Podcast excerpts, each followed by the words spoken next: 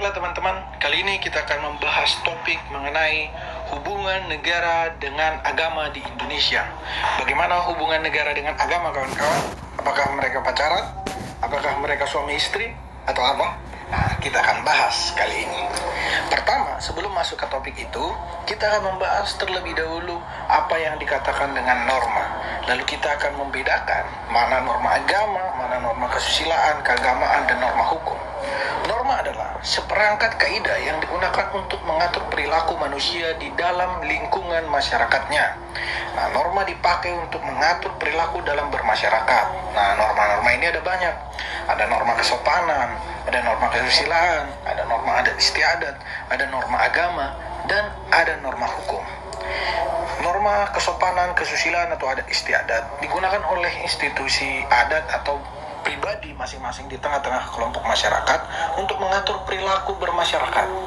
Nah, tapi kali ini kita akan fokus di norma agama dan norma hukum. Nah, apa itu norma hukum?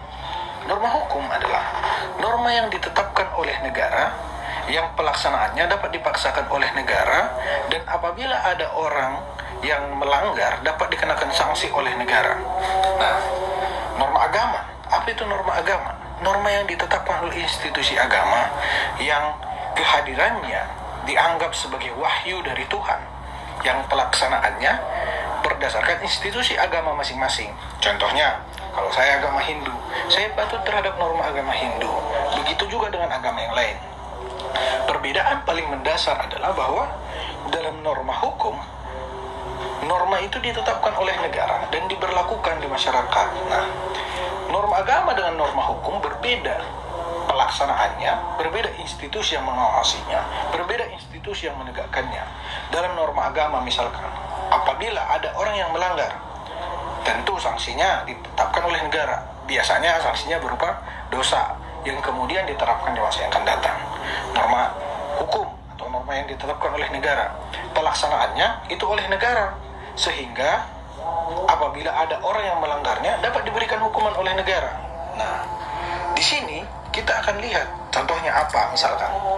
Setiap agama mewajibkan seluruh umatnya untuk melakukan kegiatan peribadatan. Ketika mereka tidak melakukan kegiatan peribadatan, maka dianggap telah melanggar tata norma agama yang sanksinya bisa saja dosa. Misalkan kita harus pergi ke musola, kita harus pergi ke masjid, kita harus pergi ke gereja, vihara atau rumah-rumah ibadah, tergantung pada agamanya. Nah, negara tidak boleh memaksakan masyarakat untuk pergi ke rumah ibadah tersebut. Karena apa? Karena itu bukan norma hukum atau norma agama. Pelaksanaannya ditentukan oleh negara, oleh agama. Jadi, di sini perbedaannya. Tetapi orang yang melakukan kegiatan peribadatan di Indonesia itu dilindungi. Nanti kita akan lihat. Nah, bicara mengenai norma hukum, tentu kita akan lihat norma hukum ini diambil dari mana. Norma hukum ini berasal dari mana. Nah, itu yang kita sebut sebagai sumber hukum. Di Indonesia sendiri, kita tahu ada sumber hukum material dan ada sumber hukum formil. Sumber hukum material itu sumber yang dari mana diambil hukum yang dijadikan menjadi hukum negara. Sumber hukum formil yaitu peraturan perundang-undangan yang diangkat atau menjadi acuan dari pembuatan peraturan perundang-undangan. Nah, sumber hukum material. Kita bicara di Indonesia ada beberapa sumber hukum. Salah satu yang utama adalah Pancasila tentunya. Yang berikutnya adalah ada istiadat, nilai-nilai yang hidup di masyarakat, serta sumber hukum dari agama. Nah, di Indonesia, agama-agama menjadi sumber hukum. Sumber hukum untuk pembuatan hukum yang kemudian dari semua agama ini digodok untuk melahirkan hukum. Nah, tapi tidak dari salah satu agama. Nah, agama Islam misalkan akan menjadi sumber hukum di Indonesia. Agama Kristen menjadi sumber hukum, Hindu, Buddha tapi tidak satu-satunya sebagai sumber hukum. Nah, dari semua nilai-nilai itu akan diambil lalu dikonversi, dibuat menjadi peraturan perundang-undangan yang kita sebut hukum negara. Nah, selanjutnya kita melihat ketika ini telah ditetapkan menjadi hukum, bagaimana penerapannya di Indonesia? Apakah negara kita adalah negara agama atau negara kita negara sekuler? Nah, apa itu negara agama? Negara agama adalah negara yang diatur oleh satu agama dan masyarakat yang lain boleh tinggal dalamnya asal ikut dengan ketentuan norma hukum yang ditetapkan oleh negara tersebut. Nah, contohnya misalkan negara Arab Saudi, negara agama. Nah, aturannya adalah langsung diambil dari agama Islam. Orang yang mau tinggal di sana harus patuh terhadap agama tersebut. Negara Vatikan yang seorang sebuah subjek hukum internasional yang dipersamakan dengan negara. Aturan hukum Katolik menjadi hukum negara. Nah, orang yang mau tinggal di sana harus patuh terhadap itu. Nah, apakah Indonesia diatur oleh satu agama? Tidak. Berarti Indonesia tidak negara agama. Kedua, negara sekuler. Apa itu negara sekuler? Negara yang pengaturan mengenai agamanya tidak diatur oleh negaranya agama sifatnya pribadi masing-masing warga negaranya dan negara tidak mau tahu tentang pelaksanaan kegiatan peribadatan oleh warga negaranya. Nah, contohnya di Indonesia. Di Indonesia negara kita apakah tidak peduli dengan kegiatan peribadatan? Tidak. Indonesia misalkan dalam hal apa? Jabatan. Seorang presiden saja wakil presiden atau pejabat-pejabat negara lain ketika diberikan jabatan diangkat sumpah atau janji berdasarkan agamanya masing-masing. Belum lagi Indonesia kita banyak membangun rumah-rumah ibadah. Artinya negara kita pun tidak negara sekuler karena negara ada dan hadir ketika warganya mau melaksanakan kegiatan peribadatannya. Di mana? Kita akan lihat. Di dalam konstitusi kita, konstitusi yaitu dasar dari peraturan perundang-undangan kita sumber utama peraturan perundang-undangan kita. Hukum paling dasar. Undang-Undang Dasar 1945 pada pasal 28E ayat 2 dikatakan setiap warga bebas memeluk agama dan beribadat berdasarkan agamanya. Kemudian pasal 28E ayat 2 negara memberikan kebebasan untuk berkeyakinan.